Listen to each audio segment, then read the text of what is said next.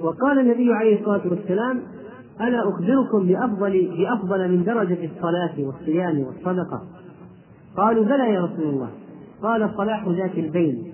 فإن فساد ذات البين هي الحالقة. هذا الحديث صححه ابن حبان وذكره الشيخ في صحيح الجامع.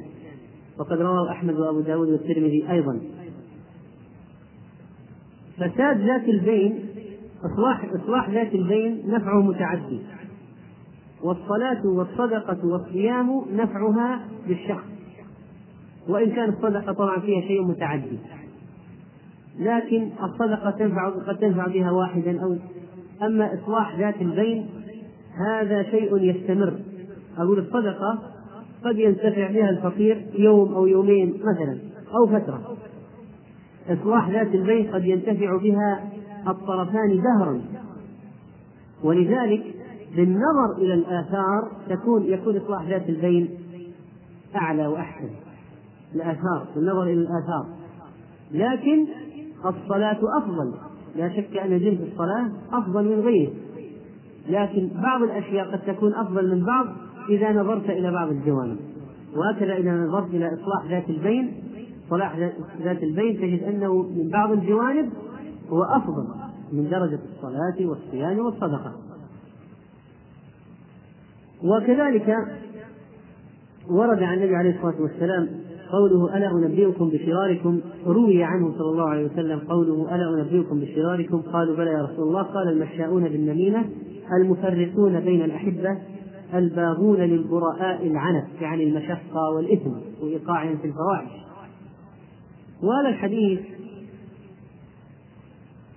قد رواه الطبراني ورواه أيضا أحمد ورواه ابن عساكر. والحديث ذكره الشيخ ناصر في ضعيف الجامع. والمقصود معناه صحيح لا شك وهو أن المفرقون بين الأحبة بنميمة أو غيرها لا شك أنهم من شرار الخلق. وهم يضادون مقصد الشارع في التحام المسلمين وتآلفهم. فكل من يسعى إلى مضادة الشارع في حكمه وأمره ونهيه فلا شك أنه من شرار الخلق. نعم لو كان البغض بغضا في الله كما أسلفنا وأبغضه لله لا لشيء شخصي فإنه مأجور على ذلك. فإنه مأجور على ذلك. وبعض الناس يظهرون أمرا من السوء يظهر منهم سوء. ولكن قد يكون عنده نية حسنة أو لا يعلم بالحكم فإذا أبغضته هل تأثم؟ هو ما يدري وقع في سوء ما يدري عن حكمه لكن من من الداخل هو قصد خير إذا أبغضته على هذا السوء الذي ظهر منه هل تأثم على ذلك؟ لا لا تأثم لأن نحن لنا الظاهر والله يتولى السرائر فلذلك لو لو أظهر شخص شرا فأبغضته عليه وهو معذور لسبب من الأسباب فإنك مأجور على ذلك ولو كان هو معذورا.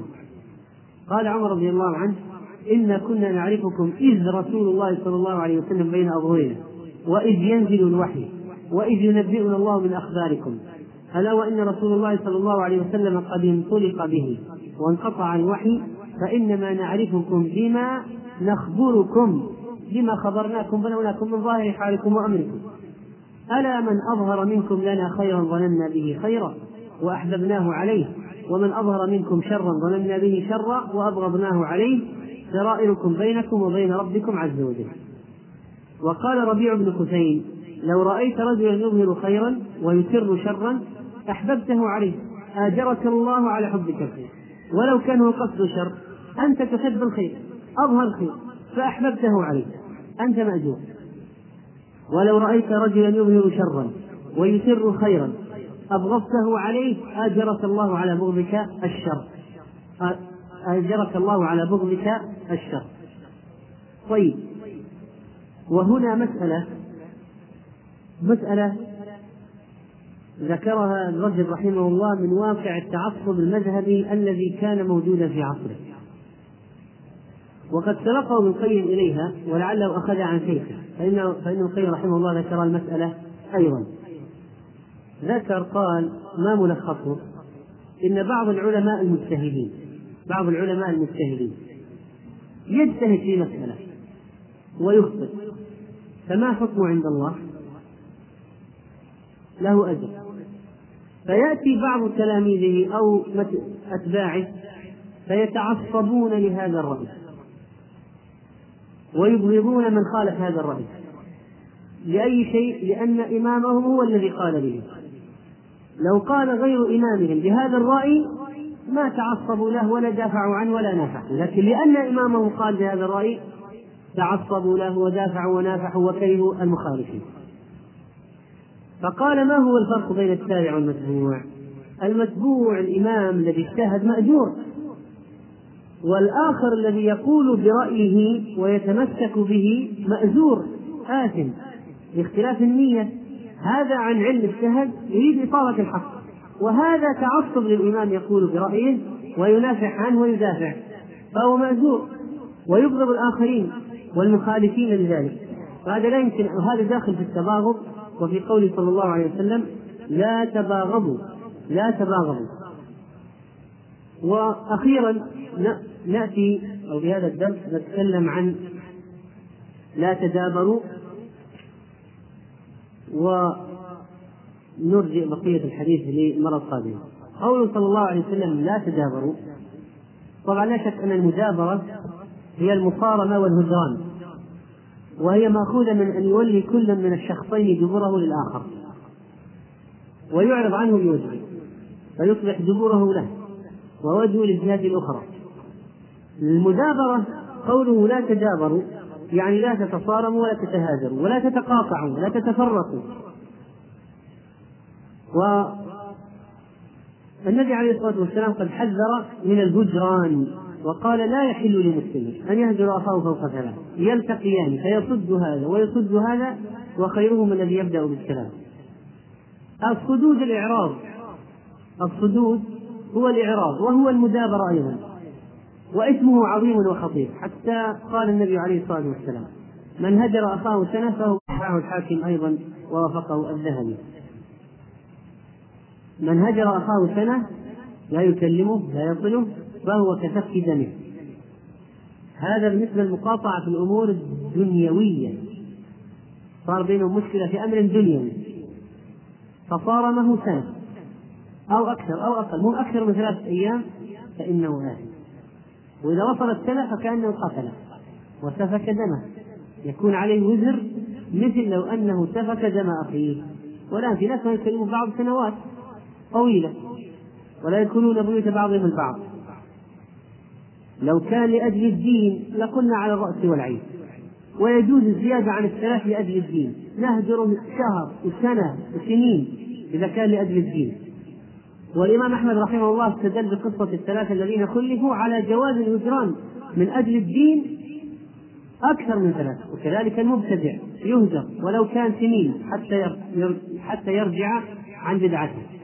طيب وكذلك الزوج يجوز أن يهجر زوجته إذا قصرت في أمر شرعي سواء يتعلق به أو يتعلق بالله عز وجل يجوز أن يهجرها فوق الثلاث والأب إذا قصر ولده في البر يعني عصى عصى أو في شيء من حقوق الله يجوز أن يهجره فوق الثلاث.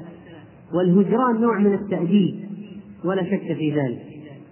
طيب لو وقع بين اثنين مشكلة من اثنين من الإخوان وقع بينهم مشكلة. وأعرض هذا عن عن الآخر أعرض كل منهما عن الآخر. وجئنا بهذا الحديث قلنا لهم هذا حرام لا يجوز. فقال أحد قال بعضهم قال قال كل منهم قلنا لهم يا جماعة أنتم أنتم معدومين في الملتزمين وربما تكونون من الدعاة من طلبة تطلبون العلم. ما يجوز هذا. فقال قال أحد قال بعضهم أو قالوا قال كلاهما طيب خلاص أنا إذا لقيته أسلم عليك. السلام ماشي. لكن آه، أشياء أخرى إضافية علاقات ما في أنا أسلم وإذا عطفت وحمد الله شمل وإذا لقيته سلم عليه هل السلام يقطع الهجرة ويوقف الإثم؟ ينتهي الإثم بالسلام أم لا؟ هذه المسألة قد حصل فيها خلاف بين أهل العلم. فبعضهم رأى أنه ينقطع بالسلام خلاص لو سلمت انقطع انقطع وبعضهم قال لا. لا. لا ينقطع إلا إذا عاد إلى ما كان قبل المصارمة من المودة. فإذا كان نرى قبل المصارمة ماذا كان يفعل معه؟ كان يزوره. إذا لو ما زاره الآن بعد المصارمة ما يعتبر أن الهجرة قد انقطعت. كان مثلا يظهر له أشياء من المودة. ما هي موجودة الآن؟ يعني العلاقات ما عادت ما عادت إلى ما كانت عليه. وإنما فقط اكتفوا بالسلام من بعيد لبعيد وهكذا. ف فقال بعض أهل العلم لا. ومنهم الإمام أحمد رحمه الله أن هذا لا لا يقطع الهجران وأن الإثم يعني باقي ولو سلم لأن الصدود حاصل. صح السلام موجود لكن الصدود حاصل. ولذلك قال النبي عليه الصلاة والسلام يلتقيان فيصد هذا ويصد هذا؟ وإذا كان عوده أن يكلمه أو يصافحه وما رجع إلى عادته وإنما فقط كلام من بعيد لكن لا كلام ولا مصافحة. ما رجع إلى سابق عهده معه من الكلام والمصافحة لا يعتبر ذلك مخرجا له من الإثم والهجرة باقية صح أنه أخف حصل كلام. أخف. لكن لم يفعل ما هو مطلوب منه ولم يعد إلى المودة طبعا بعضهم أيضا فرق بين الأقارب والأجانب، قال الأجانب يمكن أن الهجرة تقطع تقطع بالسلام، بس الأقارب لا، هذه صلة رحم، ولا يكتفى بالسلام ابدا. فهذا شرح ما مضى من الحديث. نكمل البقية إن شاء الله في المرة القادمة. والله تعالى أعلم صلى الله وسلم على نبينا محمد.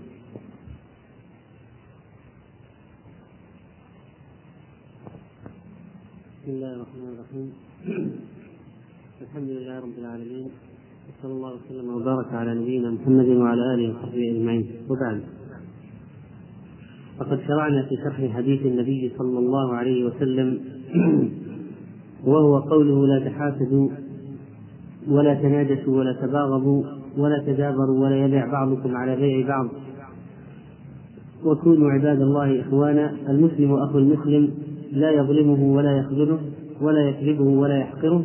التقوى ها هنا ويشير إلى صدره ثلاث مرات.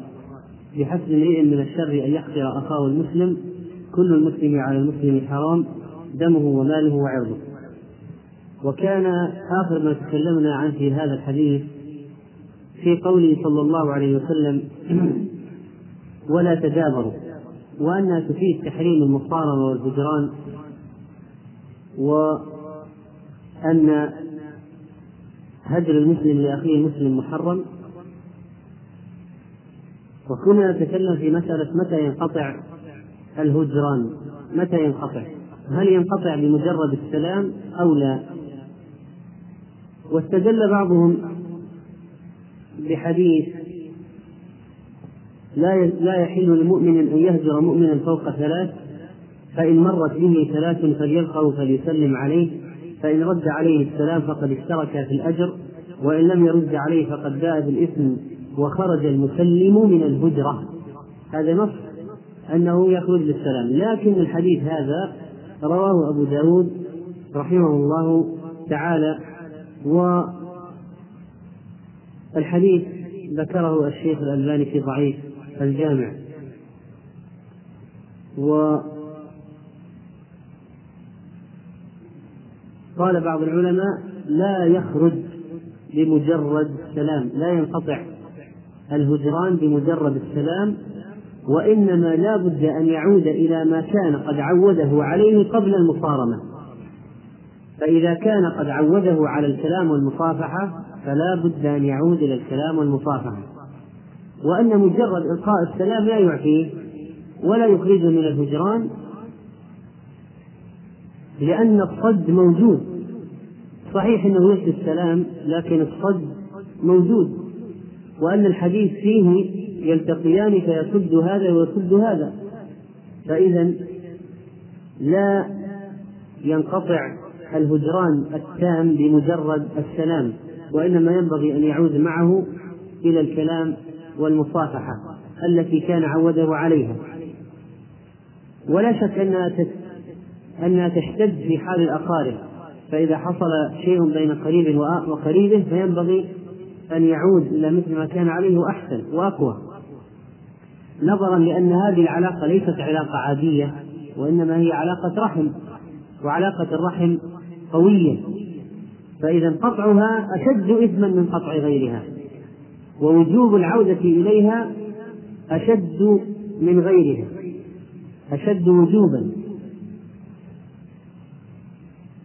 وقول عليه الصلاة والسلام ولا يبيع بعضكم على بيع بعض تكلمنا عن حكم البيع على بيع أخيه و بعض الأحكام المتعلقة بالبيع على بيع أخيه. وقول عليه الصلاة والسلام ها؟ طيب وصلنا إليه. وصلنا إلى ولا يبع ولا يبع بعضكم على بيع بعض. كانت آخر مسألة هي الهجران كما تقدم. وأما مسألة المبايعة أو البيع لم نتكلم عنها لكن ذكرنا مسألة مشابهة وهي التناجس يعني شيء يتعلق بالبيع. أما قول عليه الصلاة والسلام ولا يبيع بعضكم على بيع بعض؟ فقد جاء النهي عنه صريحا في قول عليه الصلاة والسلام لا يبيع الرجل على بيع أخيه ولا يخطب على خطبة أخيه. وقال في رواية المسلم لا يثم لا يثم المسلم على ثوم أخيه لا يثم المسلم على ثوم أخيه على ثوم المسلم ولا يخطب على خطبته.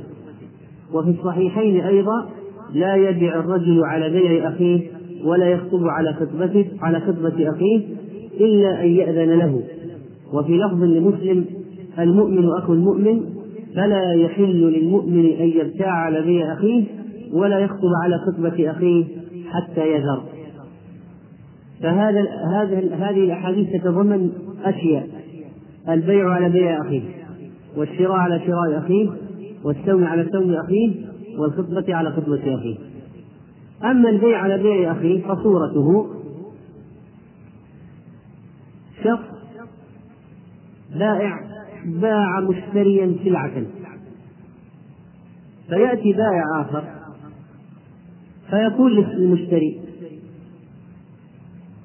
رد عليه السلعة وتعال أبيعك مثل هذه أقل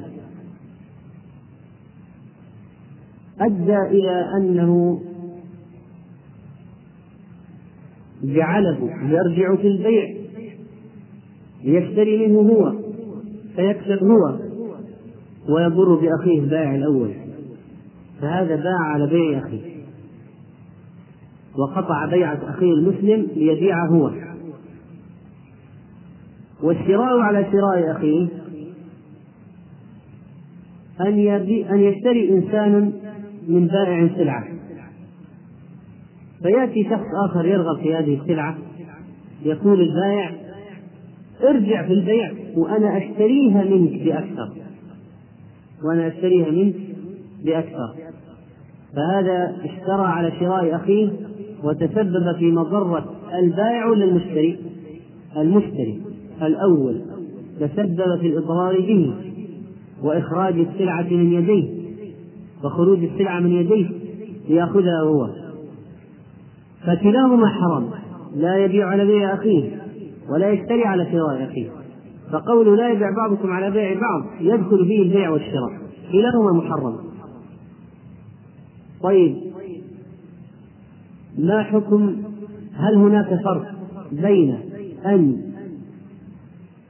يقول له أرجعها وأنا أعطيك بأقل في فترة الخيار أو ليس هناك فرق؟ فترة الخيار يعني البائع والمشتري اتفقا على مدة معينة لكل واحد منهما حق فسخ البيع. قال خذ السلعة بمئة مثلا على أن لكل واحد منا حق فسخ البيع. مدة أسبوع. هل في فرق في الحكم بين أن يأتي البائع الثاني. خلال الأسبوع أسبوع الخيار ويقول المشتري ما دام في خيار ردها عليه وأنا أعطيك بأقل أو أن يأتيه بعد انتهاء مدة الخيار ويقول حاول فيه أرجعها إليك وأنا أعطيك بأقل أيهما أيهما أخف أن يأتيه في أسبوع الخيار أو بعد أسبوع الخيار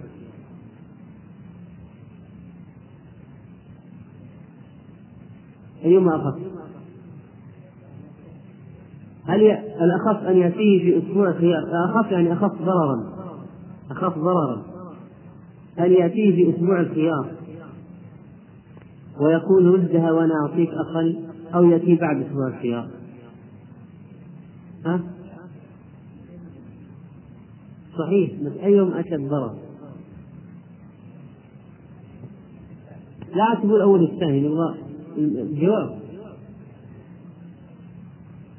لا في فرق. الآن إذا جاءه بعد أسبوع الخيار وقال اذهب وردها يذهب إلى البائع يقول أنا أخاف لا الخيار لا أقبل. فالبائع قد لا يتضرر صح ولا لا؟ لكن لو ذهب في فترة الخيار وأجزموا على أن يردها قال اذهب وردها. فإذا ردها يكون له حق الرد. فإذا أثناء الخيار أشد ضررا على البائع. أليس كذلك؟ ولكن حتى لو جاءه صحيح أن كلاهما محرم. كلاهما محرم سواء في الخيار أو بعد الخيار. سواء في الخيار أو بعد الخيار. والضرر لو قال واحد طيب ما الضرر أن يذهب إليه بعد الخيار ويقول ردها؟ فنقول إن المشتري سيذهب ويلح على البائع إلحاحا شديدا. وهذا الإلحاح نوع ضرر. أليس كذلك؟ نوع ضرر بالبائع الأول لأنه سيلح عليه. ويسعى إلى ردها بأنواع من الطرق المقتضية للضرر به ولو بالإلحاح. وكل ما أدى إلى ضرر مسلم فهو محرم. إذا لا يجوز أن يبيع على بيع أخيه ولا يشتري على شراء أخيه سواء كان في فترة الخيار أو خارج فترة الخيار طيب.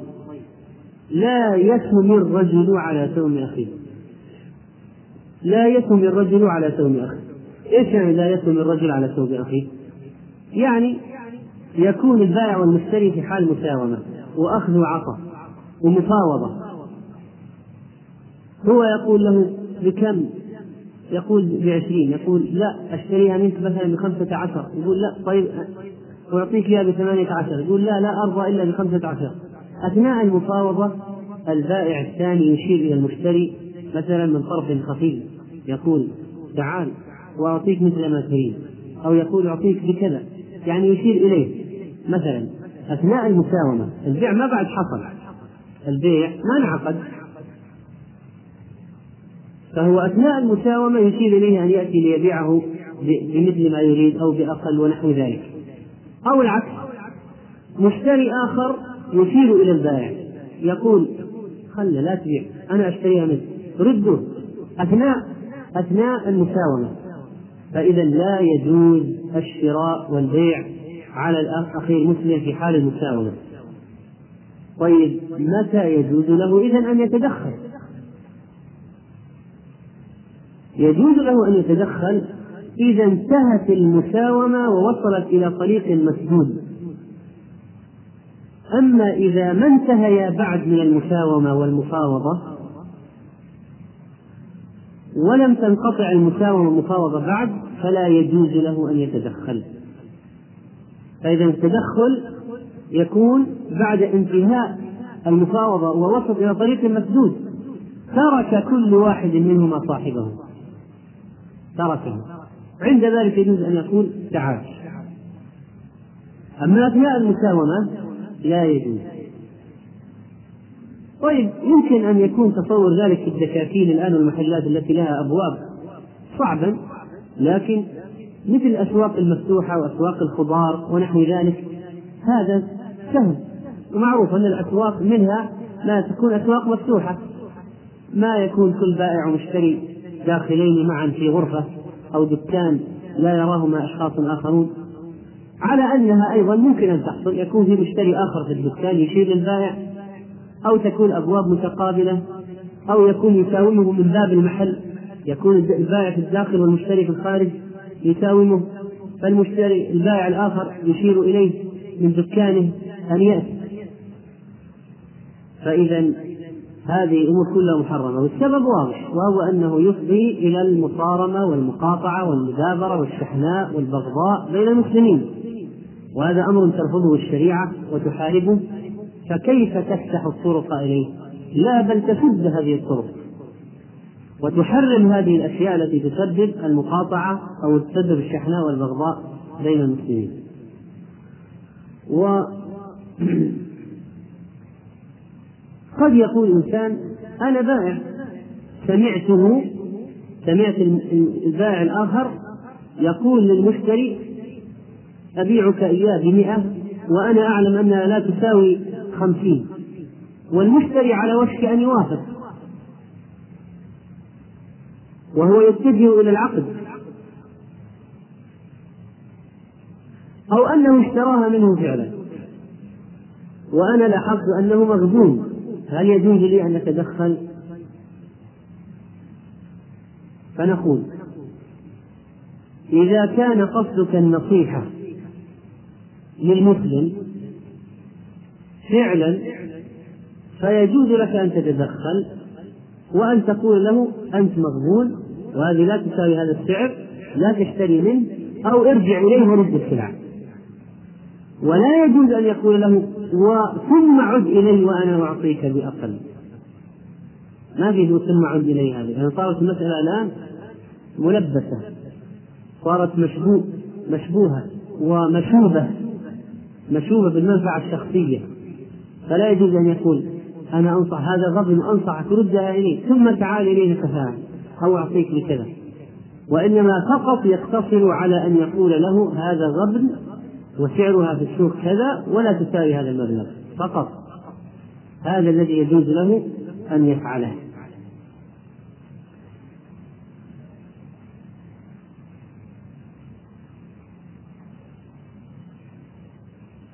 العرض العرض.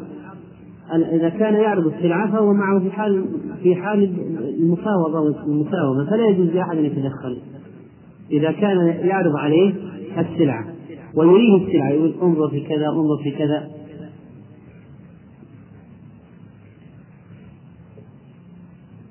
اكتب السؤال.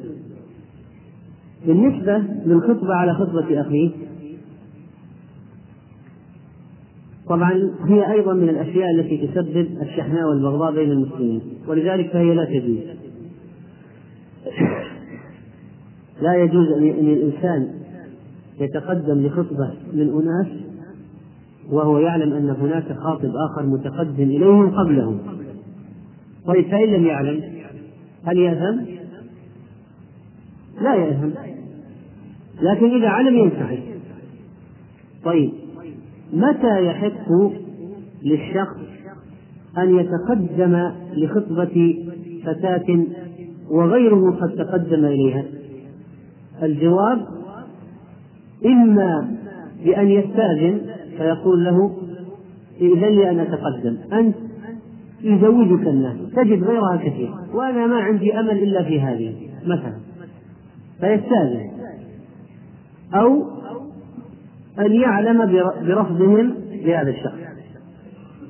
إما بالتصريح يردونه خلاص ما عندنا رغبة فيه فيتقدم الآخر. إذا علم أنه رد الأول تقدم الآخر.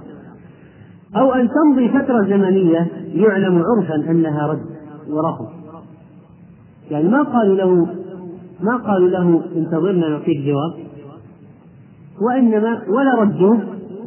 لو ردوه جاز الآخر أن يتقدم لو قال له انتظر ما يجوز الآخر أن يتقدم لكن لو تركوه تركا يعلم منه أنه رد مدة طويلة. ليست بمدة انتظار. فهنا يجوز له أن يتقدم. وقوله صلى الله عليه وسلم وكونوا عباد الله إخوانا هذا تعليل لما تقدم. إذا تركوا التحاسد والتناجس والتباغض والتدابر وبيع بعضهم على بيع بعض كانوا إخوانا. لأنه قال لا تحاسدوا ولا تباغضوا إلى آخره ثم قال وكونوا عباد الله إخوانا. وكذلك فيه أمر فيه أمر بأن يحققوا يحققوا كل معاني الأخوة كونوا عباد الله إخوانا وأن يسعوا بجميع الطرق التي تؤدي إلى تحقيق الأخوة وتقوية الروابط الأخوية. سواء كان رد السلام أو تشميت العاطف أو عيادة المريض أو تشييع الجنازة أو إجابة الدعوة أو الابتداء بالسلام أو تقديم النصيحة أو تقديم الهدية. والنبي عليه الصلاة والسلام قال تهادوا تحابوا. تهادوا تحابوا. وقد ورد وردت بعض الأحاديث مثل ما جاء عند الترمذي تهادوا فإن الهدية تذهب وحر الصدر. ولكن هذا الحديث في سنده أبو معشر وهو ضعيف وذكره الشيخ الألباني في ضعيف الجامع. وكذلك روى البزار عن أنس عن النبي صلى الله عليه وسلم قال تهادوا فإن الهدية تسد السخيمة. وهذا الحديث في سند عائد بن شريح وهو ضعيف وقد ذكره الألباني في ضعيف الجامع وفيه عزو السيوطي له إلى البيهقي عن أنس. طيب وكذلك جاء حديث تصافحوا فإنه يذهب الشحناء وتهادوا وتهادوا والحديث هذا مرسل. وورد مشابه له تهادوا تحابوا وتصافحوا يذهب الغل الغل عنكم. وعزاه السيوطي لابن عساكر عن أبي هريرة وذكره الشيخ في ضعيف الجامع. على اية حال يكفينا حديث تهادوا تحابوا فإنه حديث صحيح. قد رواه البخاري رحمه الله في الأدب المفرد وحسن إسناده الحافظ بن حجر رحمه الله تعالى. هذا الحديث يكفينا أن الهدية من أسباب المحبة. الهدية من أسباب المحبة. وكذلك المصافحة. المصافحة. هذه من الأمور الطيبة. وقد جاء عن النبي صلى الله عليه وسلم في الحديث الصحيح الذي رواه أحمد رحمه الله وغيره عن البراء مرفوعا أيما مسلمين التقيا فأخذ أحدهما بيد صاحبه فتصافحا وحمد الله تعالى جميعا تفرقا وليس بينهما خطيئة أيما مسلمين هذا حديث عظيم. لم ليس موجود في الشرح لكن رواه أحمد رحمه الله حديث صحيح. أيما مسلمين التقيا فأخذ أحدهما بيد صاحبه فتصافحا يرحمك الله. وحمد الله تعالى جميعا تفرقا ليس بينهما خطيئة. هذا يدل على فضل المصافحة وحمد الله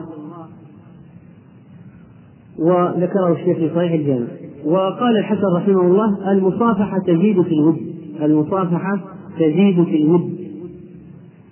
وقال مجاهد بلغني أنه إذا تراءى المتحابان فضحك أحدهما إلى الآخر وتصافحا تحاتت خطاياهما كما يتحات الورق من الشجر.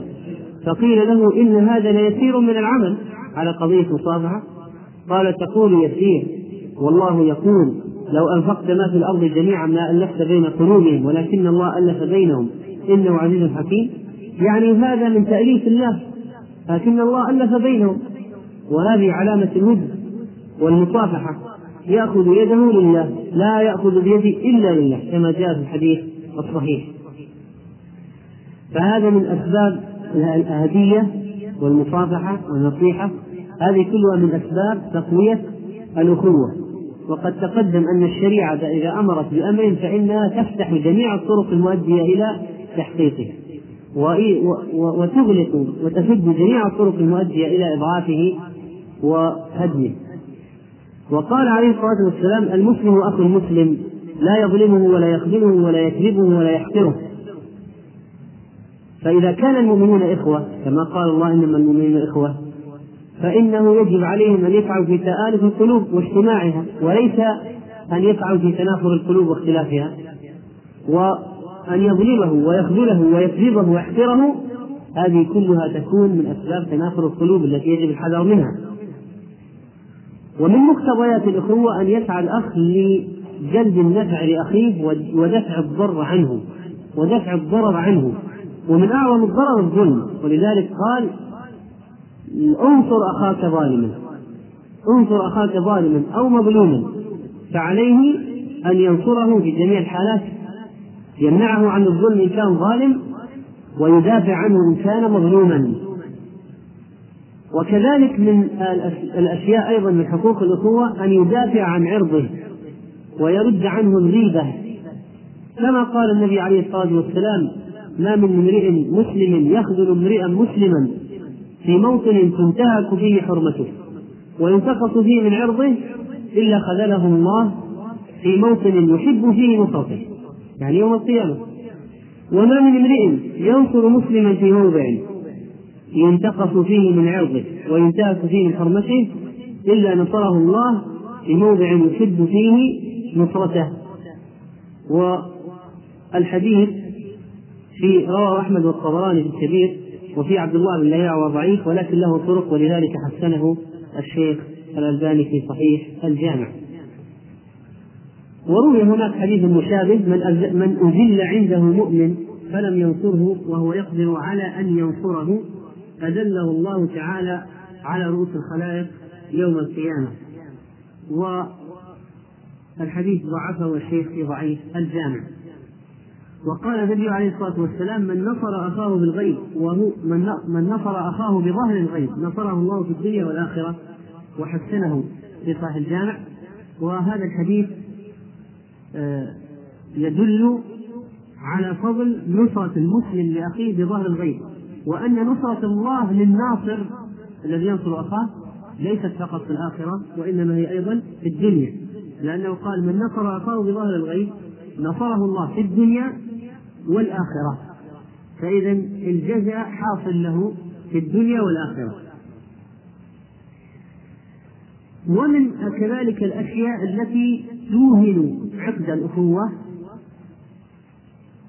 أن يكذب على أخيه المسلم. وهذا معروف بدأ معروف تحريم الكذب.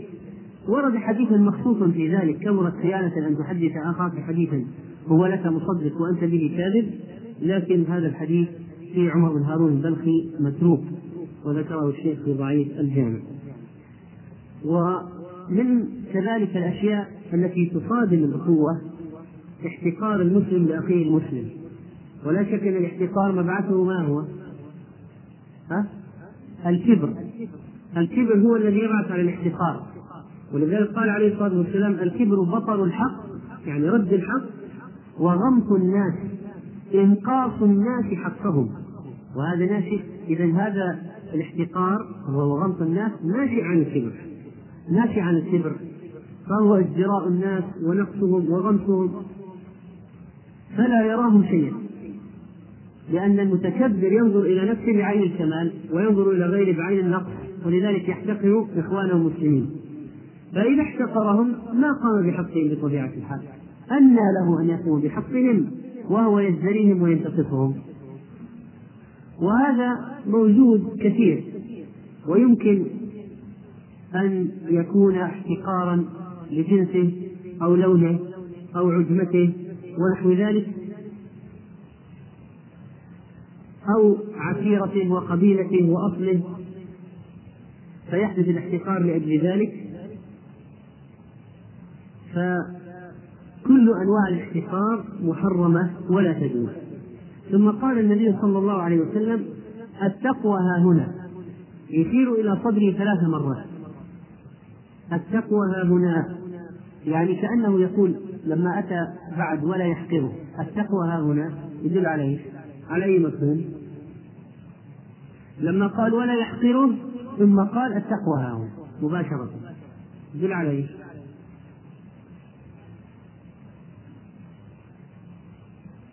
ولا يحقره التقوى ها هنا.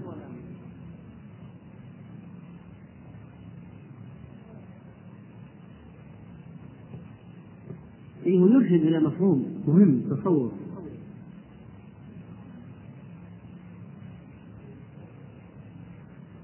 طيب من القرآن؟ إن أكرمكم عند الله أتقاكم لاحظ. الاحتقار يعني مبني على إيش؟ على الكبر وغمط الآخرين وغمط حقهم قال لا يحقره لأي سبب من أسباب الاحتقار كاللون والجنس واللغة والفقر والمستوى المادي والمعيشي والاجتماعي. التقوى هذا. فكان يقول لا تحقره على هذه الأشياء هذه أشياء دنيوية. التقوى ها هنا فإن أكرمكم عند الله أتقاكم ميزان حقيقي بالتقوى. إن أكرمكم عند الله أتقاكم. فلا فلا نظر إلى قضية التفاوت في الأشياء الدنيوية التي تكون سبب الاحتقار. هو ما الذي يدفع الناس الاحتقار؟ التفاوت في الأشياء الدنيوية يجعل الأعلى يحتقر الأدنى فيقول التقوى ها هنا. لا تحقروا بعضكم على هذه الأشياء على تفاوتكم في الأمور الدنيوية. فإن الميزان الحقيقي هو إن أكرمكم عند الله أتقاكم. وأن التقوى ها هنا وهذا دليل على أن التقوى محلها وأصلها في القلب. لأنه قال التقوى ها هنا. وقد قال الله عز وجل ومن يعظم شعائر الله فإن من تقوى القلوب ويدل على أن التقوى في القلب أيضا قوله عليه الصلاة والسلام فيما يروي عن ربي عز وجل لو أن أولكم وآخركم وإنسكم وجنكم قاموا على أتقى قلب رجل منكم قاموا على أتقى قلب رجل واحد منكم. أتقى قلبي يدل على أن التقوى في القلب وأصلها في القلب معناها أن التقوى قضية خفية لا يطلع عليها إلا الله. ولذلك لا يصلح احتقار الناس على على الحكم على الناس على أشكالهم وصورهم. يعني لو قال واحد ما الفائدة؟ ما من إخبارنا أن التقوى في القلب؟ وأي شيء يشير إليه في هذا السياق لما قال التقوى هنا؟ فنقول من فوائد ذلك أنه يقول لنا ويعلمنا بأن لا نحكم على الناس ونفاوت بينهم ونرفع ونخفض على الأشكال والصور والأموال والمظاهر. بل إن القضية مسألة خفية قضية التقوى التقوى في القلب لا يجوز أن تحكم على الناس بالصور والمظاهر والله عز وجل لا ينظر إلى صوركم وأموالكم ولكن ينظر إلى قلوبكم وأعمالكم. ولذلك فإن الناس الذين يرفعون الأشخاص بسبب جمال الصورة أو كثرة المال أو علو الجاه أو المنصب والرياسة هؤلاء يفقدون الميزان الحقيقي الإسلامي للحكم على الأشخاص وهو قضية التقوى. وأن القلب المملوء بالتقوى هو الأكرم عند الله. وكلما زادت التقوى كان أكرم عند الله. ولو كانت صورته قبيحة وماله قليل ونسبه متواضع فإن النبي عليه الصلاة والسلام قال ألا أخبركم بأهل الجنة؟ كل ضعيف متضعف. يعني الناس يستضعفونه. ضعيف عندهم. كل ضعيف متضعف. لو أقسم على الله لأبره. يعني من مكانة عند الله من حب الله له من وزن عند الله أنه لو أقسم على الله بشيء لأبره الله بقسمه أبر الله بقسمه وأعطاه ما طلب وما حلف عليه. ألا أخبركم بأهل الجنة؟ كل عتل جواظ مستكبر في الصحيحين. ها؟ ألا أخبركم بأهل النار؟ نعم. ألا أخبركم بأهل النار؟ كل عتل جواب مستكبر. فإذا العتل الجواب المستكبر عكس الضعيف المتضعف الذي يكون من أهل الجنة. وجاء أيضا عند الطبراني من حديث أبي الدرداء أن النبي عليه الصلاة والسلام قال ألا أخبرك بأهل النار؟ كل جعظري جواظ مستكبر جموع منوع يجمع ويمنع. يجمع ويمنع الصدقة ويمنع الإعطاء. جموع منوع يمنع الفضل. ألا أخبرك بأهل الجنة؟ كل مسكين لو أقسم على الله تعالى لأبره حديث صحيح. وصححه الشيخ في صحيح الجامع. ولأن الله سبحانه وتعالى لا يظلم أحدا وهو قد عدل في خلقه. فإنه وكل بالجنة أناسا ووكل بالنار أناسا. فجاء في الصحيحين عن النبي صلى الله عليه وسلم قال تحاجت الجنة والنار فقالت النار أوثرت للمتكبرين والمتجبرين وقالت الجنة لا يدخلني إلا ضعفاء الناس وسقطهم. فقال الله للجنة أنت رحمتي أرحم بك من أشاء من عبادي. وقال للنار أنت عذابي أعذب بك من أشاء من عبادي. وهذه القضية وهي قضية المعايير الدنيوية التي اتخذها الناس في هذه الأيام وجلبت عليهم الشقاء واضطربت الموازين وعم الفساد. فلو تقدم إنسان لخطبة امرأة فإن أول ما يسألون ما يسألون عنه فإن أول ما يسألون عنه أين يعمل؟ وكم راتبه؟ من أي عائلة من أي قبيلة ونحو ذلك. تقبل وساطته بدون توقف. وإذا تكلم فإن الناس ينصتون له لمكانته وقدره. قال فسكت النبي صلى الله عليه وسلم ولحكمة سكت. ثم مر رجل آخر. فقال له رسول الله صلى الله عليه وسلم ما رأيك في هذا؟ وهذا جيد أسلوب يعني في معرفة رأي الشخص ثم التعقيب عليه استخراج ما عنده من المفاهيم والتصورات ثم تنقيحها وتعديلها والإغارة عليها بالنقد إذا كانت خاطئة يقول ما رأيك في هذا؟ ما رأيك في كذا؟ فإذا أخبر برأيه جاء التعقيب والتصحيح وهذه لا شك من الوسائل التي كان النبي عليه الصلاة والسلام يربي بها الناس قال ما رأيك في هذا؟ على الأول ثم قال على الثاني ما رأيك في هذا؟ فقال يا رسول الله هذا رجل من فقراء المسلمين. هذا حري إن خطب أن لا ينكح وإن شفع أن لا يشفع وإن قال أن لا يسمع لقوله فقال رسول الله صلى الله عليه وسلم هذا هو الآن التعقيب والتصحيح. هذا خير من ملء الأرض مثل هذا. هذا خير من ملء الأرض مثل هذا. فإذا المسألة ما هي مسألة؟ أموال وشرف نسب والقضية قضية تقوى ودين. والآن في الدنيا الأمور الموازين في أعين الناس مضطربة. وفي أخطاء كثير في التقويمات. لكن يوم القيامة يعود كل شيء إلى نصابه. وتتبين الأمور على حقيقتها وتوضع الموازين بالقسط فلا يظلم أحد. وتتضح الصورة لكل ذي عينين. ولذلك قال الله تعالى إذا وقعت الواقعة ليس لوقعتها كاذبة خافضة رافعة. خافضة رافعة. هذه خافضة رافعة يقول فيها محمد بن كعب القرظي رحمه الله تخفض رجالا كانوا في الدنيا مرتفعين وترفع رجالا كانوا في الدنيا مخفوضين. هذه تخفض رجالا كانوا في الدنيا سادة قادة أغنياء وجهاء أصحاب ملك وإمرة تخفضهم فيكون تحت أقدام الناس. وترفع رجالا كانوا في الدنيا مخفوضين يعني أدلاء مقهرين مقهورين مسلوبين مسجونين. ترفع رجالا كانوا في الدنيا مخفوضين. ولكن الناس لأنهم لا يرون الآخرة.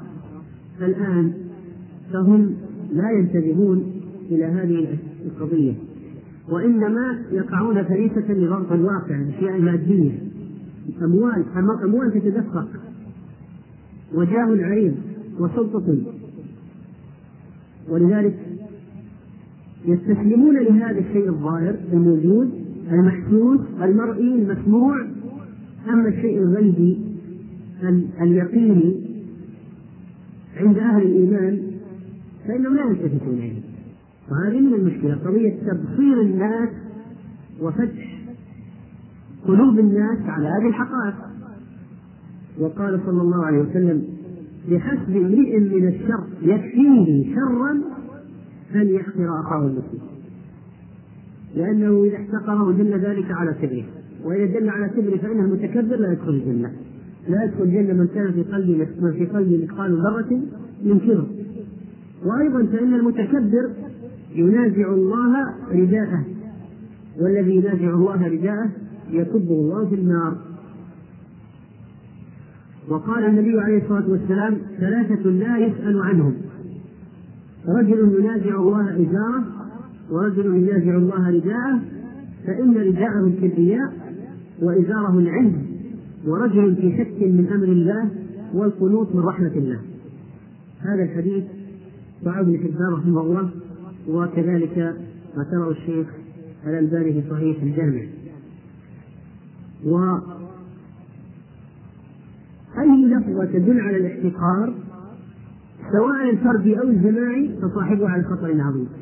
الفردي ذكرنا قلنا أنه يحقر شخصا بعينه مثلا فقير أو صعلوك من الناس أو وضيع نسب يحقره بعينه يتكلم عنه أو على عزمته ولغته أو يقول له أي كلمة تدل على تحقير أو تصريف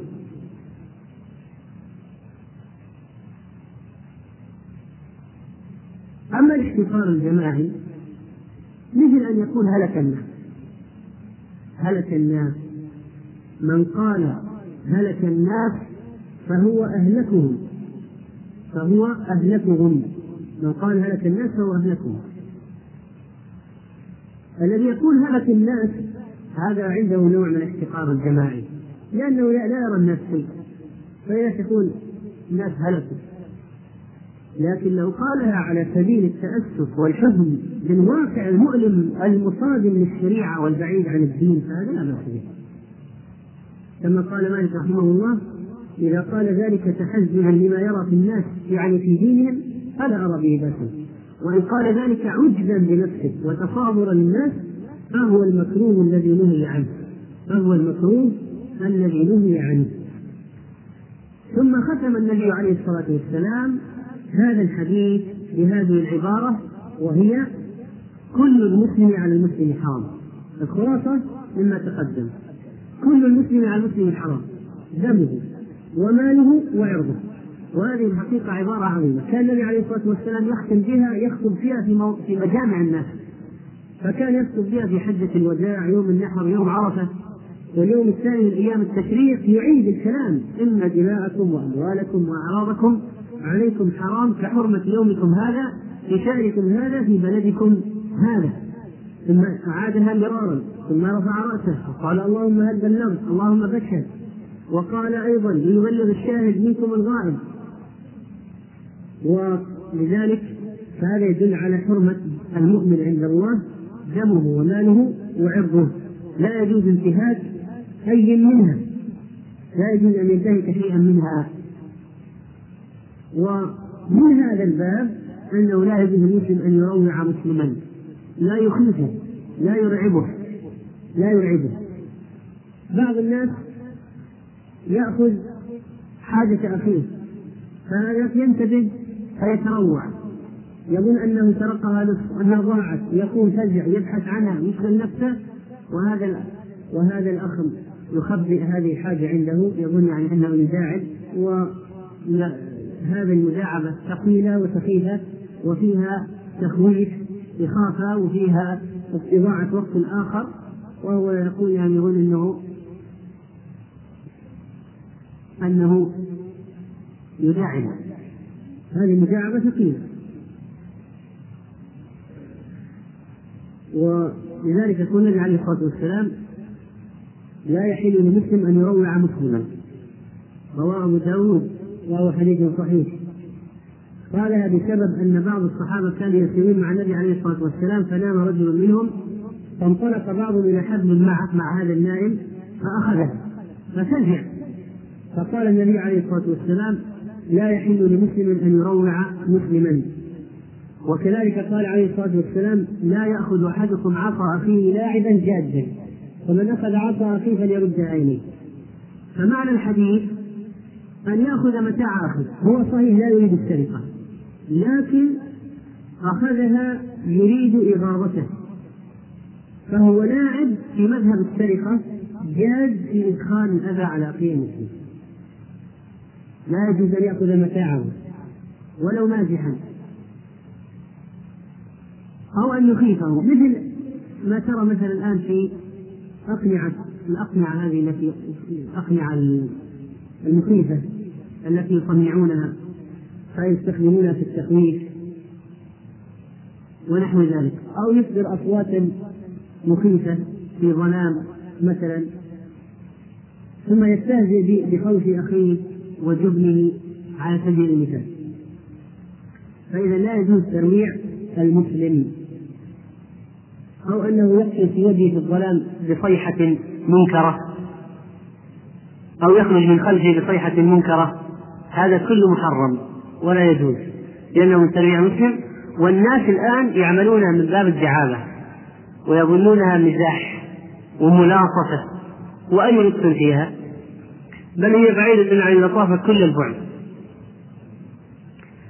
والنبي عليه الصلاة والسلام لا طف مازح ولا استعمل هذه الأساليب.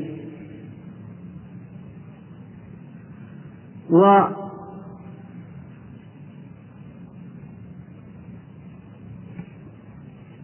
وكذلك من الوسائل التي تسبب الحزن بين المسلمين التناجي وهو معروف. سواء خاطب واحد وآخر ثالث موجود أو تخاطبوا عشرة وآخر موجود والعشرة يتناجون دون الحادي عشر. هذا كله تناجي. أو تكلم اثنان مع بعضهما بلغة لا يفهمها الثالث. فهذا أيضا يدخل في التناجي. وكان إذا كانوا كفار ناجي ولا تبالي. إذا كانوا كفار فلا بأس. فإن هذا فإن هذا خاص بالمسلمين. إذا كنتم ثلاثة فلا يتناجى اثنان دون الثالث فإن ذلك يحزنه. إذا استأذنوه وعلموا أنه طيب النفس فلا بأس. أما إذا أحرجوه فلا يجوز. يعني لو قالوا اسمح لنا يا أخ تكلم. هو محرج لا تفضل. يعني ليس عن طيب نفس. هذا لا يعتبر لا يعتبر أنه قد لا يعتبر أنهم قد برئت ذمتهم لابد أن يكون عن طيب نفس. الآن كذلك أخذ المال. لا يحل مال امرئ مسلم إلا بطيب نفس منه. بعض الناس يحرجون الأشخاص الآخرين. يحرجه يقول خلاص خلاص خمسين بس هات وكأنه يضطره اضطرارا يعني إلى هذا الأمر. فهذا الإحراج لا يحل له المال. ولو لم يتكلم الشخص الآخر أو سكت صمته لا يدل على رضاه. لأنه محرج. فكل هذه الأشياء التي يشترط فيها الرضا لا لا يعني الرضا أن أن يكرهه ولا يساويه مطلقا. الإحراج هذا ليس برضا. وقال النبي صلى الله عليه وسلم لا تؤذوا عباد الله ولا تعيروهم ولا تطلبوا عوراتهم فإن من طلب عورة أخيه المسلم طلب الله عورته حتى يفضحه في بيته حتى يفضحه في بيته. هذا حديث رواه أحمد ويشبهه حديث آخر وهو يا معشر من أسلم بلسانه ولم يفض الإيمان إلى قلبه لا تؤذوا المسلمين ولا تعيروهم ولا تتبعوا عوراتهم. فإن من تتبع عورة أخيه المسلم تتبع الله عورته ومن تتبع الله عورته يفضحه ولو في جوف رحله. وحسنه الحافظ المنذري رحمه الله قال هيثمي رجال ثقات وذكره الألباني في صحيح الجامع. والغيبة من ضمن الأشياء وهي ذكرك أخاك بما يكره. كل هذه الأشياء السابقة مجتمعة وغيرها تدل على أي شيء؟ تدل على أنه لا يحل إيصال الأذى للمسلم بأي وجه من الوجوه سواء كان قولا أو فعلا. والذين يؤذون المؤمنين والمؤمنات بغير ما اكتسبوا فقد احتملوا بهتانا وإثما مبينا. الآن ذكرنا أشياء مشابهة. لو أنه جعل ميزابه على الشارع ينزل الماء على المسلمين أو سد بسيارته الشارع والناس يريدون الخروج ولا يستطيعون أو سكب المياه أو فعل أشياء في الطريق تؤذي المسلمين. هذا داخل في قوله تعالى والذين يؤذون المؤمنين والمؤمنات بغير ما اكتسبوا فقد احتملوا بهتانا وإثما مبينا. بل إن المفروض أن يكون الحال على عكس ذلك تماما وهو التعاطف والتراحم. فليست القضية فقط أننا لا نؤذي. بعض الناس يقول أنا أكف شري. يقول لا ينبغي عليك أن تجلب خيرك للناس أيضا. وليست القضية فقط أن تكف شرك. أين خيرك أين ودك لإخوانك المسلمين؟ أين ترحمك معهم؟ وأين عطفك عليهم؟ أين مفهوم الجسد الواحد الذي إذا اشتكى منه عضو تداعى له سائر الأعضاء بالحمى والسهر؟ المسلمون كرجل واحد إذا اشتكى عينه إن اشتكى عينه اشتكى كله. وإن اشتكى رأسه اشتكى كله. والمؤمن المؤمن كالبنيان يشد بعضه بعضا. ففي عدة تشبيهات المؤمنين. أولا أنهم كالبنيان. ثانيا أنهم كالجسد الواحد. ثالثا أن المؤمن مرآة أخيه. فهذه الأشياء لو جعلت على بعضها لعرف الإنسان موقعه في المجتمع المسلم وماذا ينبغي أن تكون عليه علاقته بإخوانه المسلمين. قال صلى الله عليه وسلم المؤمن مرآة المؤمن المؤمن أخو المؤمن يكف عنه ضيعته ويحوط من ورائه. فلو صار فقير يعطيه محتاج يسد حاجته يسد خلته يستر عيبه يؤويه ينصره لا يسلمه. فهذه قال صلى الله عليه وسلم المؤمن مرآة أخيه المؤمن مرآة المؤمن المؤمن أخو المؤمن يكف عنه ضيعته ويحوطه من ورائه ويحوطه من ورائه. وهذا حديث رواه أبو داود رحمه الله وحسن وحسنه الحافظ العراقي وحسنه الألباني أيضا في صحيح الجامع وقد أخرجه البخاري في الأدب المفرد أيضا. وجاء بلفظ إن أحدكم امرأة أخيه فإن رأى به أذى فليمته عنه وهذا الحديث ضعيف جدا وذكره في ضعيف الجامع. وأراد رجل أن ينصح عمر بن عبد العزيز ويقدم له نصيحة فيما ينبغي أن يكون عليه حاله مع مع رعيته. فقال له اجعل كبير المسلمين عندك أبا. وصغيرهم ابنا وأوسطهم أخا. فأي أولئك تحب أن تسيء إليه؟ لا تحب أن تسيء للأب ولا للابن ولا للأخ. وهؤلاء رعيتك إما أن يكونوا مثل الآباء أو الأبناء أو الإخوة. وقال يحيى بن معاذ رحمه الله ليكن حظ المؤمن منك ثلاثة. إن لم تنفعه فلا تضره. وإن لم تفرحه فلا تغمه وإن لم تمدحه فلا تذمه. وهذا من الأشياء أو من الأمور المفقودة في كثير من الأوساط الأخوية. تجد أن بعض الأوساط الأخوية فيها علل متعددة فمن ذلك قلة الزيارات وندرتها بحيث لا تكاد تجد حالات مزاورة موجودة. فإذا كان بينهما علاقة تجارية دراسية أو شيء من الأشياء المشتركة زار بعضهم بعضا. زار أحدهما الآخر. وإذا لم يكن ما في. يعني نادر ما تجد زيارة لوجه الله. بل للأسف الناس تعودوا إذا زاره الواحد إذا زاره أخوه السلام عليكم كيف الحال؟ طيب أيوه. نعم. يعني ينتظر الآن. نادر ما تجد. واحد يقول لا والله بس أنا ما عندي شيء بس أحببت أن أزورك في الله.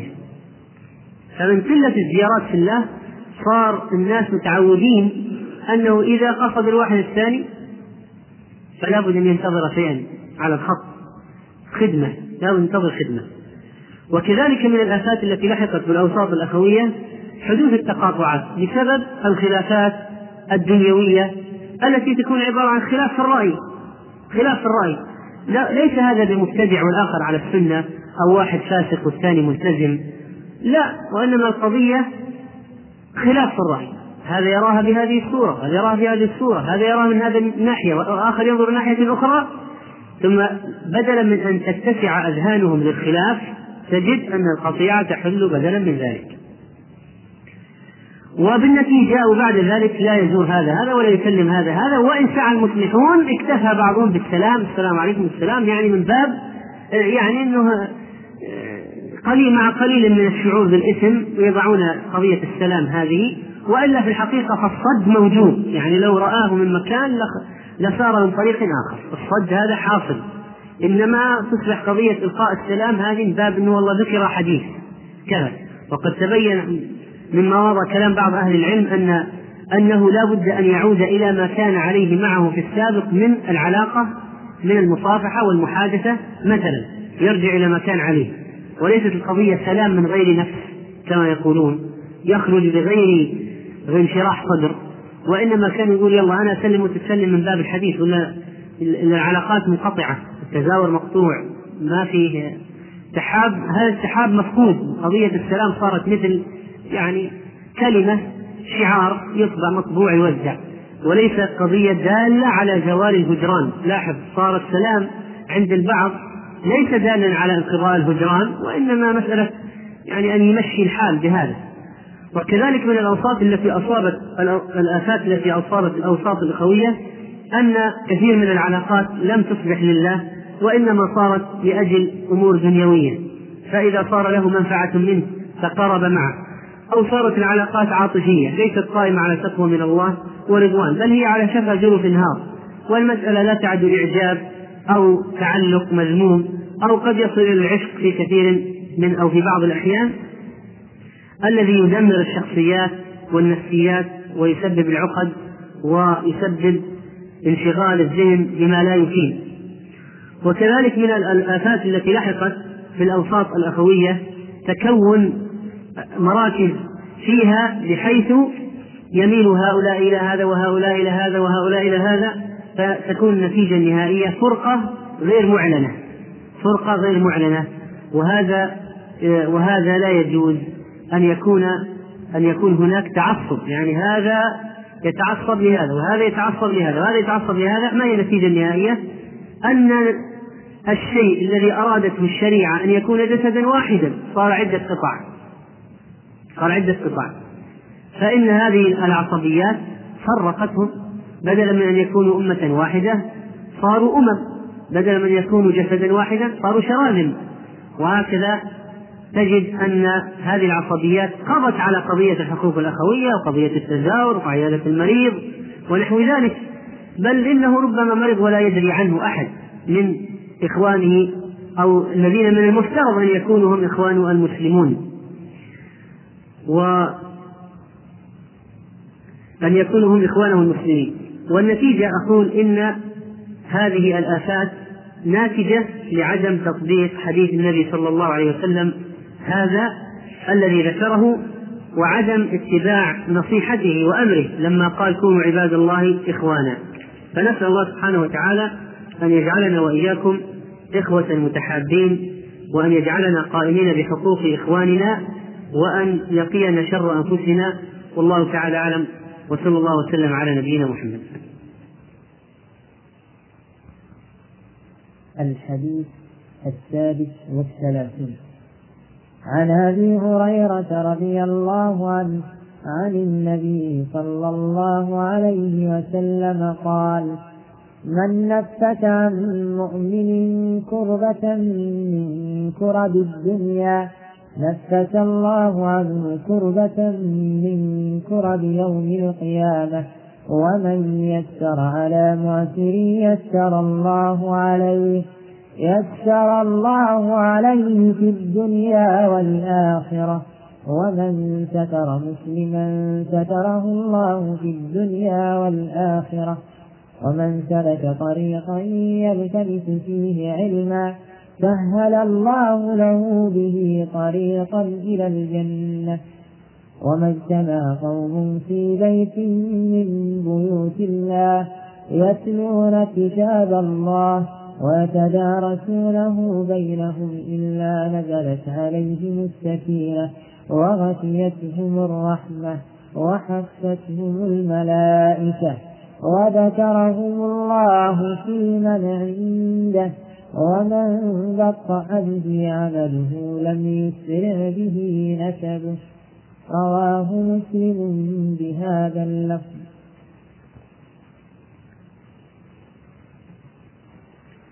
وقد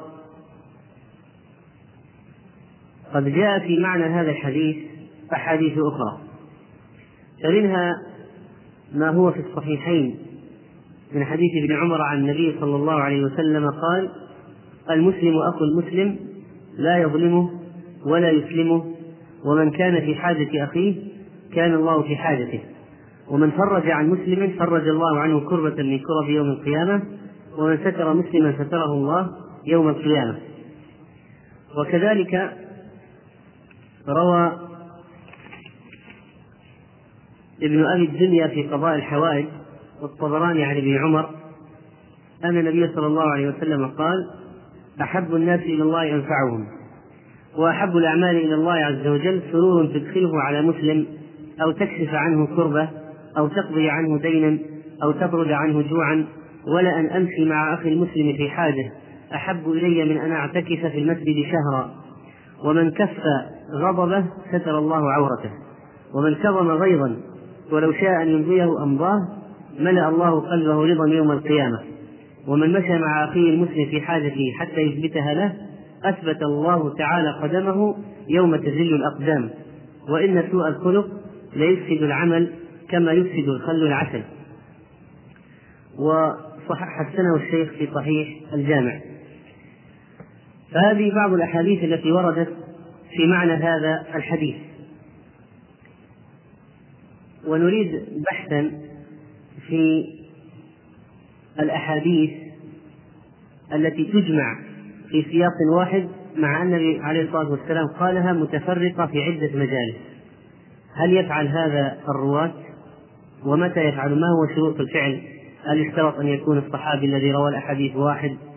أو ما هي الشروط التي التي يفعلون بها هذا؟ أن يكون النبي عليه الصلاة والسلام حدث مثلا بفقرات هذا الحديث في عدة مجالس فهل يأتي هل يتصرف بعض الرواة فيضمونها كلها في سياق واحد؟ وما هي شروط هذا الضم؟ فمن يأتي لنا بهذا؟ طيب واحد. طيب ستأتي ستأتي أبحاث أخرى بعد أو بحث آخر بعد قليل لكن هذا طيب لأن بعض بعض الأحيان الإنسان يرى الحديث طويل وقد لا يكون قاله النبي عليه الصلاة والسلام في سياق واحد ولكن تصرف بعض الرواة فجمعوه.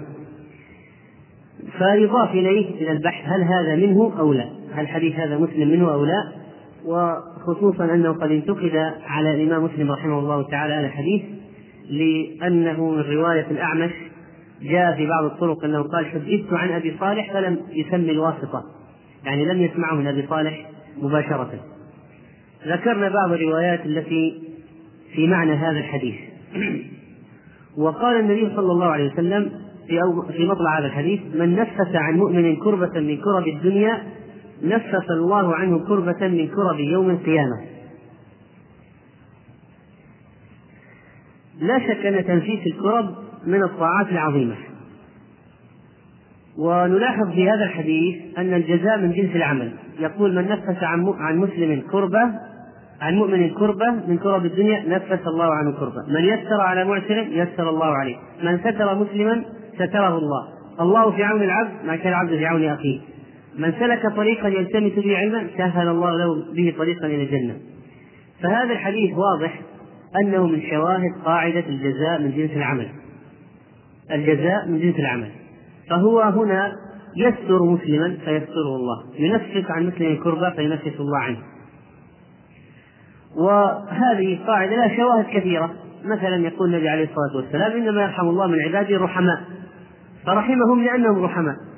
إن الله يعذب الذين يعذبون الناس في الدنيا. كما أنهم يعذبون فالله يعذبهم.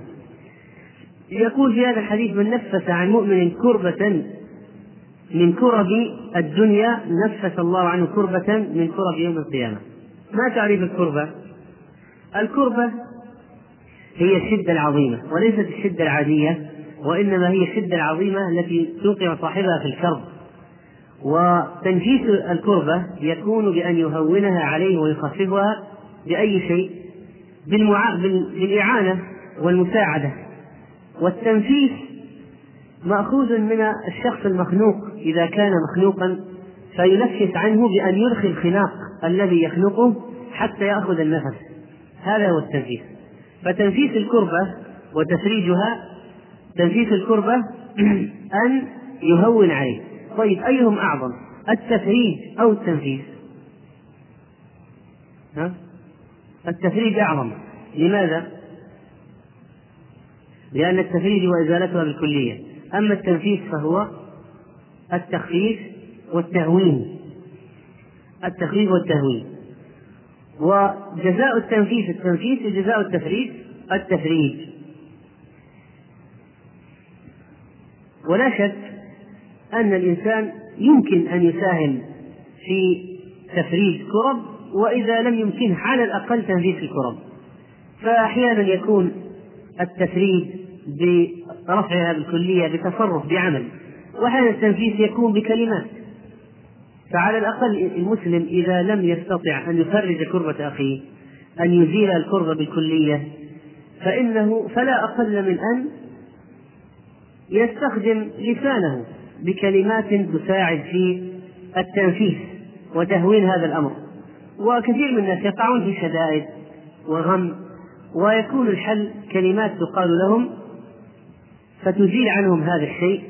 ويفرج أو قد تفرج بالكلية أحيانا بكلمات وقد يكون تنفيسا بأن تهون وتخف. ومثل المصائب أحيانا تصيب الشخص لا تملك أن تعوضه عن ولده.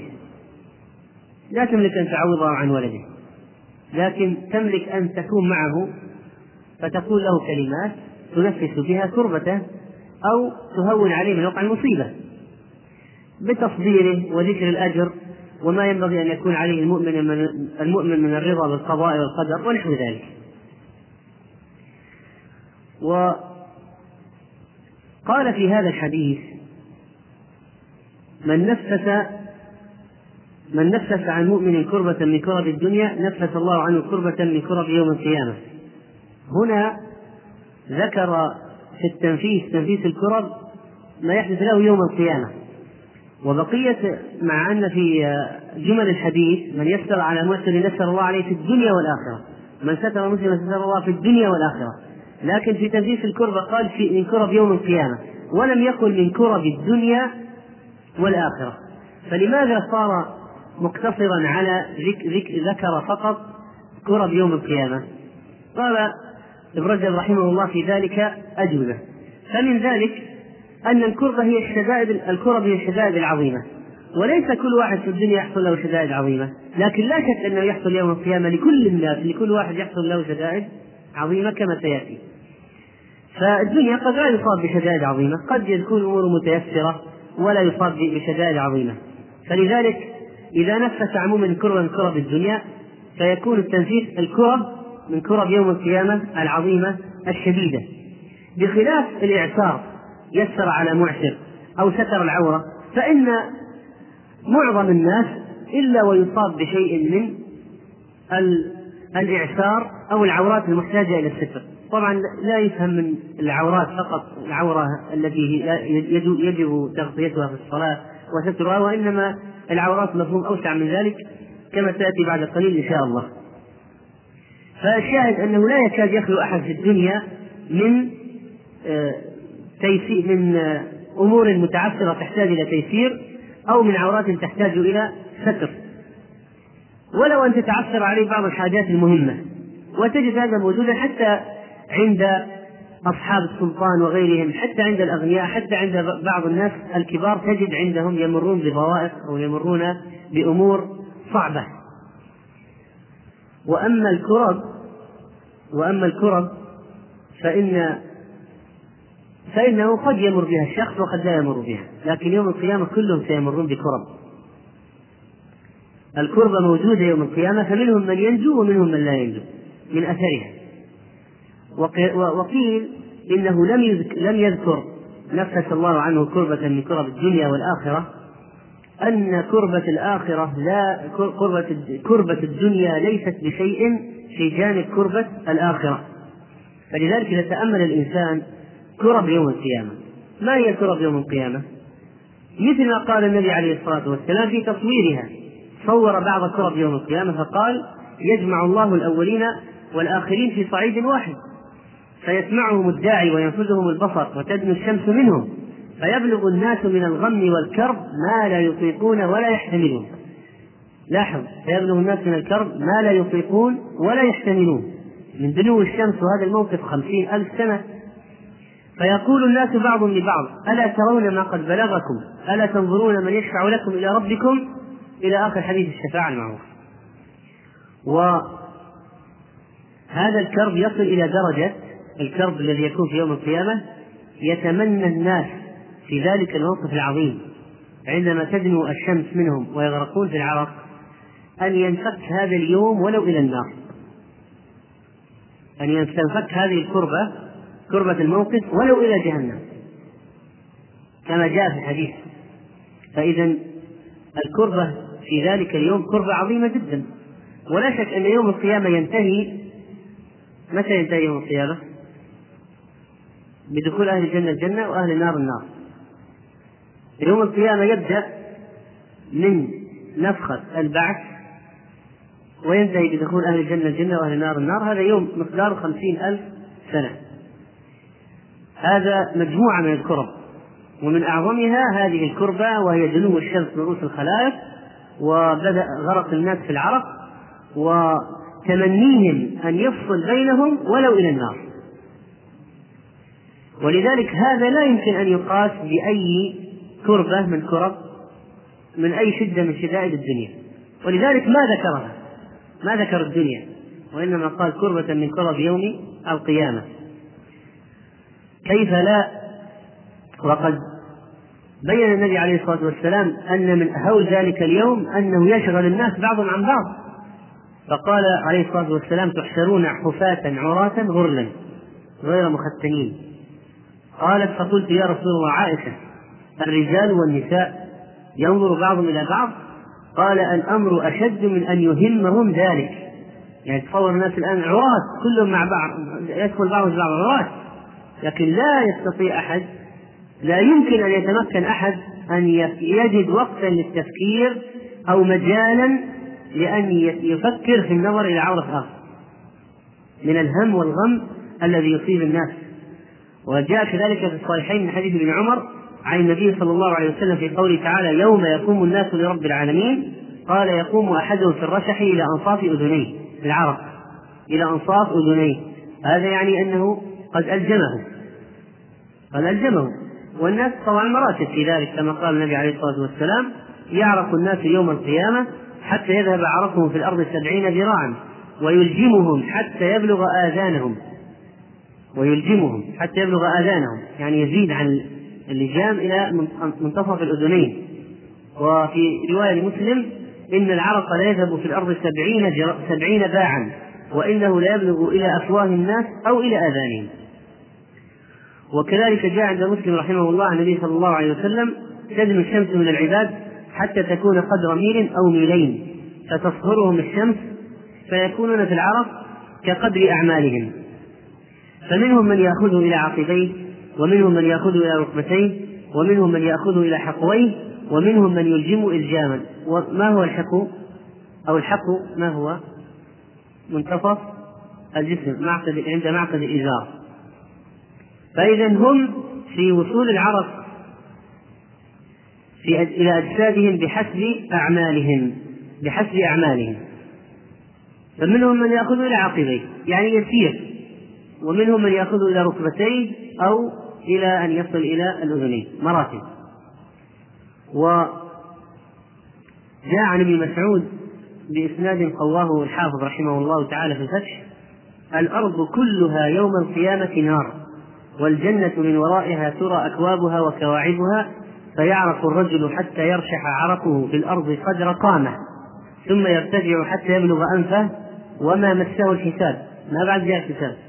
قال فمما ذاك يا أبا عبد الرحمن؟ قال مما يرى الناس يصنع بهم يعني من هول من الأهوال التي يرونها. وهذه الأشياء من قل من الناس من يفكر فيها لأنهم لا يعتبرون بقضاء الآخرة مع أن الله سبحانه وتعالى ذكر مرارا وتكرارا ولو تنظر المساحة التي في القرآن غطتها أحداث اليوم الآخر لوجدت ذلك كثيرا جدا. ولكن مع ذلك يبقى وقع هذا في حس الناس خفيفا بسبب عدم الخشية من الله والجهل بما يكون يوم القيامة مع أن المشاهد معروضة بالتفصيل كأنك تراها.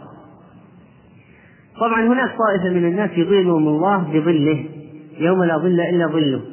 يكونون في ظل العرش عن يمين الرحمن على منابر من نور على حسب أعمالهم. فمنهم السبعة الذين يظلهم الله في ظل يوم لا ظل إلا ظله. وكذلك فإن من من الأشياء التي تظل يعني العرش له ظل. نعم. والصدقة لها ظل. فقد جاء في الحديث الصحيح جاء في الحديث الصحيح كل امرئ في ظل صدقته حتى يفصل بين الناس. كل امرئ في ظل صدقته حتى يفصل بين الناس. ولا غرابة في أن تكون هذه الأعمال حسية. لها جسم لها ظل وأن يكون الناس في ظل صدقات. كلما كثرت الصدقات وكبرت كان الظل أكثر. ف والحديث رواه أحمد والحاكم وصحابي شبان وذكره الشيخ ناصر في صحيح الجامع. هذا بالنسبة لكرب يوم القيامة هذا شيء من كرب يوم القيامة. ثم قال النبي عليه الصلاة والسلام طيب لنأخذ بعض الكرب. ما مثل الكرب من كرب الدنيا؟ هاتوا أمثلة من كرب الدنيا. ما مثاله؟ نعم. نعم. يعني هذا يمكن شيء لا يستطيع أحد أن يعني يفعل فيه شيئا. أو يدفعه عن صاحبه. لكن قد يحسن له الظن بالله يذكره برجاء الله على فراش الموت أما أنه يزيل عنه هذا أو يرفعه عنه فلا سبيل. نعم. يعني هذا يدخل في تيسير على المعسر كما سيأتي. ها؟ الجوع. طيب لا شك أنه إذا جاع إذا جاع بلغ منه الجهد لا شك أنه يكون في كربة. فرفعه فرفعه عنه بإطعامه. فرفعها بإطعامه. طيب.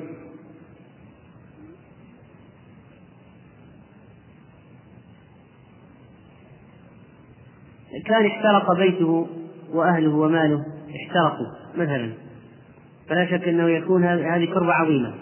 طبعا في شيء منها بالكلام يهون بالتصوير وشيء من الكربة يرفع بالتعويض. لو جمعوا له مالا عوضوه وزوجوه ونحو ذلك كانوا معه فلا شك أنه سيكون من هذا الجنس. هذه كربة لا شك. طيب وغير هذا؟ الخوف.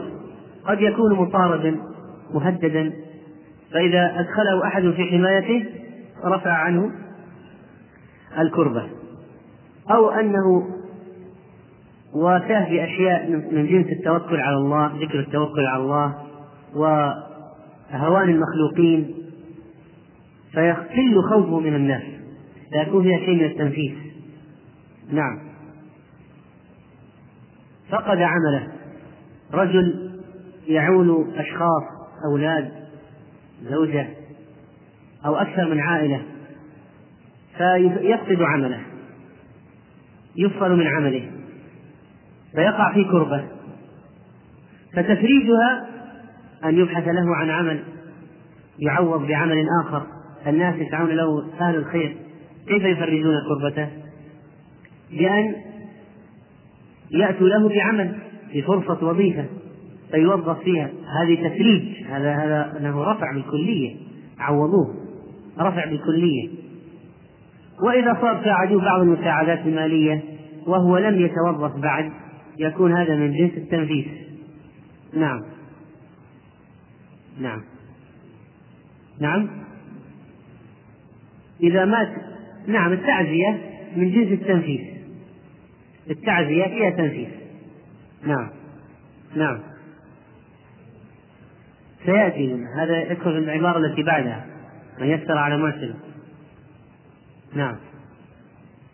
المرض كربة إذا اشتد على الإنسان فإذا سعوا في علاجه أو في تصديره طبعا كل أشياء بإذن الله. لا, لا يستطيع أن يرفع شيئا لغير إذنه سبحانه وتعالى وأمره. نعم. دفع الظلم هذا عام أيضا دفع الظلم عن الشخص كما قلنا قبل قليل كان يكون خائفا من شخص أو مطاردا ونحو ذلك دفع الظلم عن حمايته أو أو عقاب الظالم أو إيقاف الظالم عند حده. نعم. نعم. سقى من عطش يشبه إذا أطعمه من جوع؟ على أي حال كرب الدنيا كثيرة لكن شاهد لفت النظر أن أن المسلم ينبغي أن يستحضر هذا. وأن يلتفت إلى الناس الذين يعيشون في الواقع. هذا الآن المجتمع لا يخلو من أصحاب كربات لا يخلو من فاقد وظيفة لا يخلو من مريض لا يخلو من شخص مات له ميت لا يخلو من شخص مطارد أو شخص خائف من شيء. لا شك هذا هذه الكربات منتشرة في المجتمع. فإذا بينا للناس كربات القيامة وشدة الكربات ثم بينا قلنا لهم هذا أجركم إذا أنتم أعنتم الناس في الدنيا هكذا يخفف عنكم من هذا العرق وهذا الحر وهذا الوقوف الذي يكون يوم القيامة. هنا تهفو النفوس إلى المساعدة والتخفيف ولذلك معالجة هذه الثغرات الموجودة في المجتمع ينبغي أن يكون باستخدام هذه النصوص. فمتى يتحرك الناس للعمل؟ صحيح أن بعضهم عندهم طيبة قلب فطرية يحبون المساعدة لكن هذا لا يكفي لتغطية الحاجات الكثيرة الموجودة. والإنسان إذا أحس تصور فعلا صار صار في حسه مشاهد القيامة حاضرة في حسه مشاهد القيامة حاضرة وقائمة والكربات بالنصوص موضحة صار عنده دافع للحركة. إذا رأى المحتاجين رأى أصحاب الكربات الذين في الدنيا. بدلا من أن يقول كل واحد نفسي نفسي ولا يتحرك ويعمل شيء. وبعضهم يجاملك ويعطيك كلمات. طيب خير إن شاء الله ولا يهمك وسوف أفعل كذا ولا تجد.